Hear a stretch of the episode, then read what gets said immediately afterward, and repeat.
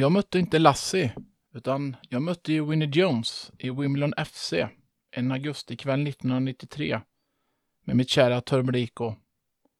Winnie Jones var ett tag framröstad som fotbollsvärldens hårdaste och förmodligen också fulaste fotbollsspelare genom tiderna. Hur har detta möte och lite annat påverkat mig och det jag har gjort sedan dess inom idrotten? Häng med en stund där och ta del av min sommarskildring, eh, Det är nostalgin ändå ska möta framtiden till slut. Mitt namn är Andreas Fäger och nu kör vi!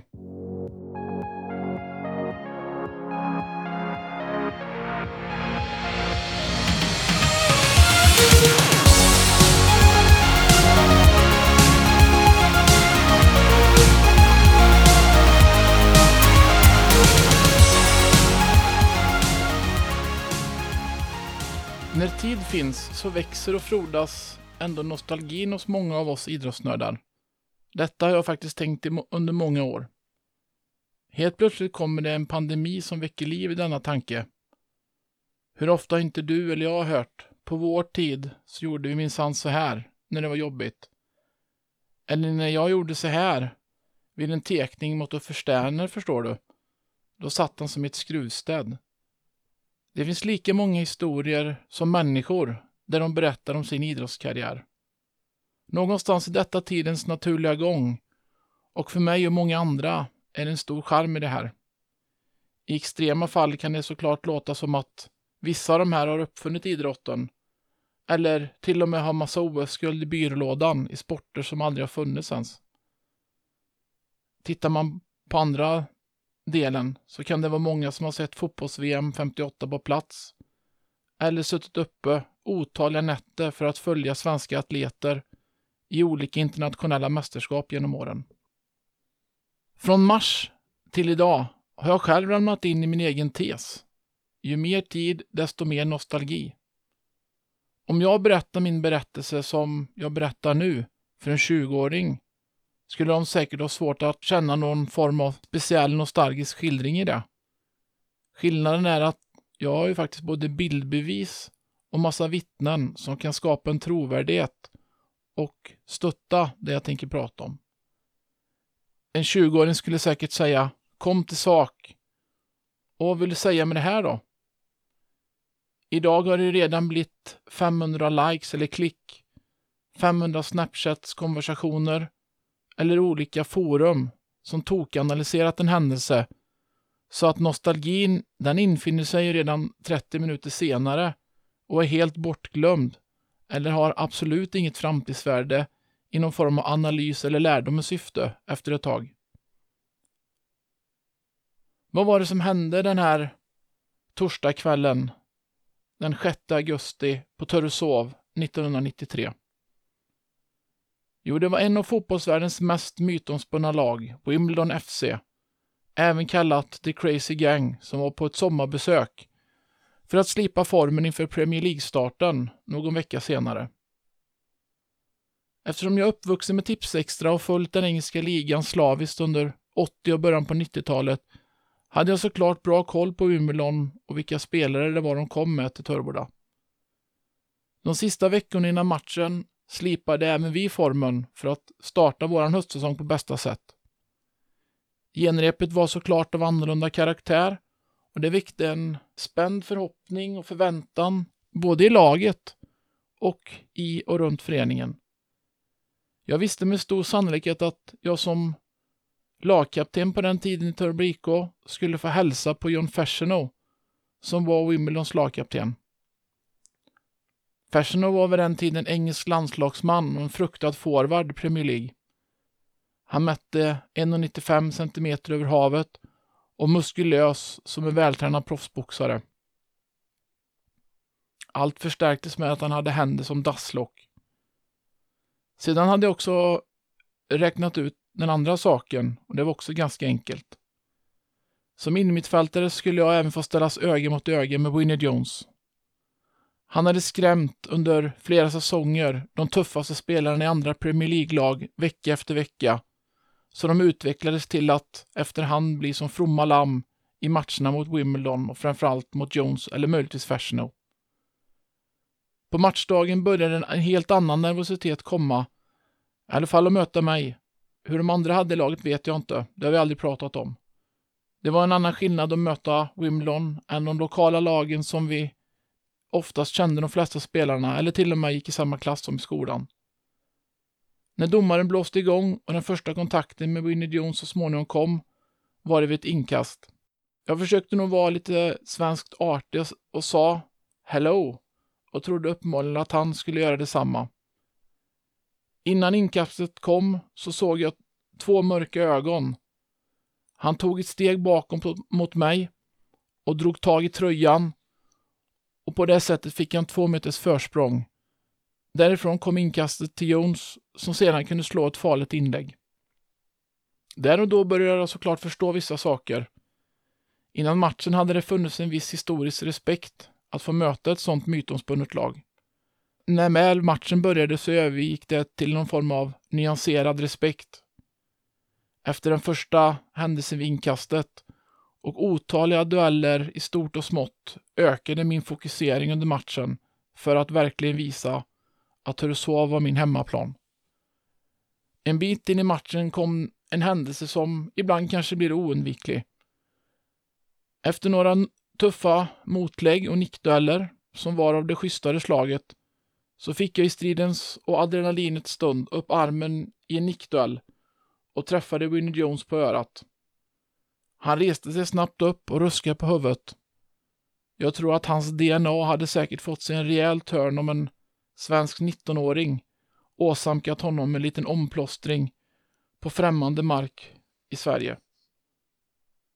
När vi springer därifrån så kommer det så mycket engelska glosor farande i mina öron som jag aldrig ens har hört på mina engelska lektioner i skolan. Det mesta var såklart barnförbjudet och började på F och slutade på K. Efter denna händelse så blev duellerna inte på någon speciell lekfull nivå.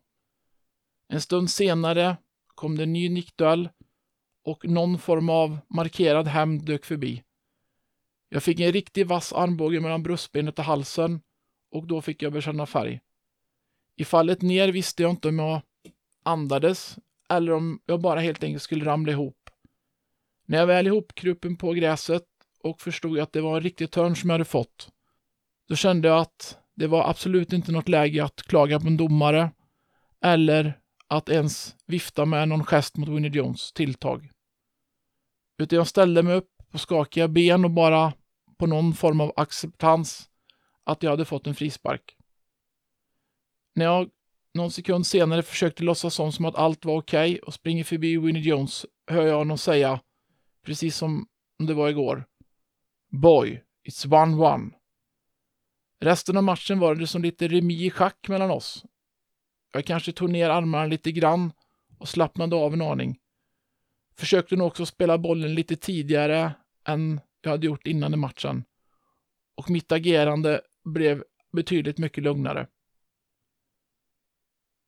I efterhand så har många experter i olika fotbollsdokumentärer eller senast Erik Nivas podd beskrivit att Wimbledon i allmänhet och Winnie Jones i synnerhet på något sätt hade sitt mytomspunna eh, aura runt sig och att Winnie Jones hårda spelstil har offrat många spelare som har fått sina karriärer på något sätt utmanade. Winnie Jones själv sa i en, en intervju att spelare som reser sig upp utan att klaga i dueller mot honom, de har hans fulla respekt. Att även få höra att det var 1-1 när han sprang förbi. Och att det då var i Winnie Jones paradgren, respekt och tuffhet, det kan ju vara något att tänka på i de här jobbiga tiderna.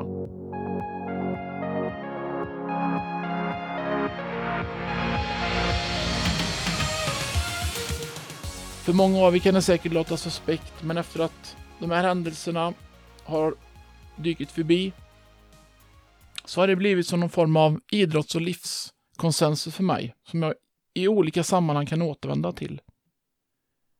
När jag ställs inför en utmaning kan det ibland finnas en viss rädsla med stora bokstäver, som ofta snabbt övergår till respekt med stora bokstäver, som sedan framkallar någon form av fokusering för mig med stora bokstäver på uppdraget eller utmaningen och till sist skapar ett agerande med stora bokstäver för att antingen möta nuet men oftast möta framtiden.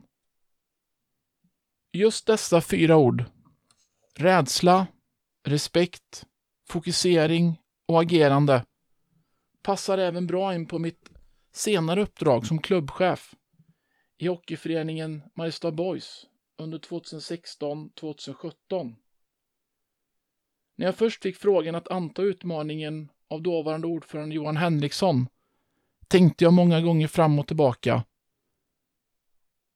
Jag hade nog en viss form av rädsla att bli förknippad som fotbollsperson och boende i grannkommunen. Hur de här sakerna skulle uppfattas hos folk i och runt föreningen. Detta trots att jag externt jobbat med föreningen i över 15 år och på olika sätt var trygg i det här och hade en bra relation med väldigt många. När jag hade stämt av med några kloka och sanningssägande kompisar och bollplank var saken klar. Du ska ta uppgiften, du kommer klara det här.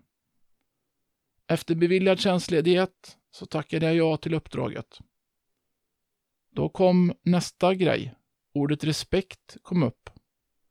Föreningen har ju ändå fostrat flera femmor till elitserien, eller nuvarande SHL, och flera landslagsspelare som sedan har tagit både VM och OS-guld. De har också en av de största barn och ungdomsverksamheterna i området och på något sätt rankas som nummer två efter Frölunda i Västra Götaland. Föreningen omsätter mellan 10-12 miljoner och lockar varje A-lagsmatch en snittpublik på cirka 1100 åskådare. Någonstans i det här så växte fokuseringen och mitt mål skapades. Nu kan lilla jag som tänkte att bli klubb eller sportchef i en elitförening när jag var i tonåren förbättra och utveckla föreningen mot framtiden eller till exempel jobba mot eliten.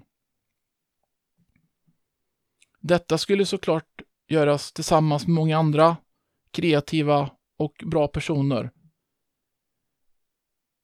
Startsträckan var kort och vi planerade många och spännande uppdrag i både stort och smått.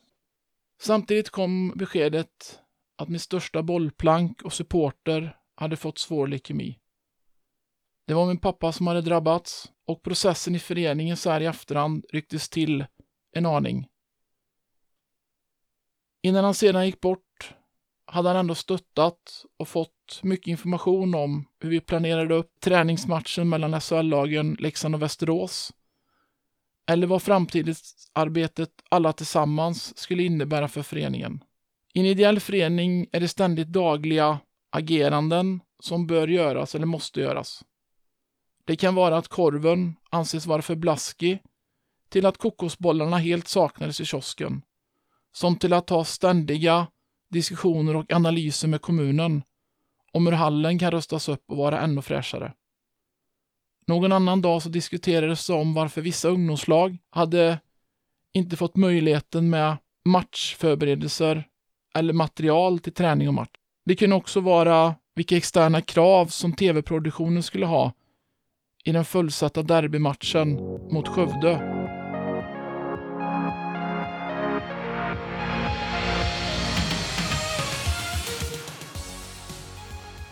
Mötet med Winnie Jones och uppdraget som klubbchef i Mariestad Boys Hockey sticker ut en aning utifrån den mer linjära vardagen som idrottskonsulent på RF SISU sedan 22 år eller som ideellt aktiv fotbollstränare. Vilka lärdomar har jag dragit av dessa två händelser? Båda exemplen är fantastiska och ger så här lite i efterhand gåshud. Hur tufft det än var i stunden så kommer man alltid kunna resa sig upp och i vissa fall bli ännu starkare än innan av de lärdomarna som man på något sätt måste dra. Det kan ibland vara på ett lite annat sätt. Det är grymt viktiga grundpelare för att i denna annorlunda tid ändå veta att saker och personer kommer resa sig upp även om det är tufft. Jag är säker på att om vi om några år kommer dra viktiga lärdomar av det nuet som vi är i. Jag är ödmjuk, tacksam att min idrottsresa har innehållit så många spännande saker. Och bildligt känns det nästan som jag har mött ett fullsatt Friends med så många härliga och trevliga ledare och fokuserade aktiva. Vår tid är ändå nu och tillsammans kan vi lära av den nostalgi eller historieresa som vi har lagt i vår ryggsäck för att på något sätt tillsammans forma en spännande framtid. Framtiden kommer alltid finnas vid horisonten eller ibland ännu närmare. Eftersom jag nu har blivit en framtidsorienterad nostalgiker så avslutar jag som Håkan Hellström sjunger. Din tid kommer, inom idrotten eller i livet. Ha en fortsatt trevlig sommar, önskar Andreas Fäger. Du har precis lyssnat på ett avsnitt av podcasten Här pågår föreningsidrott som görs av RF SISU. Tack Andreas!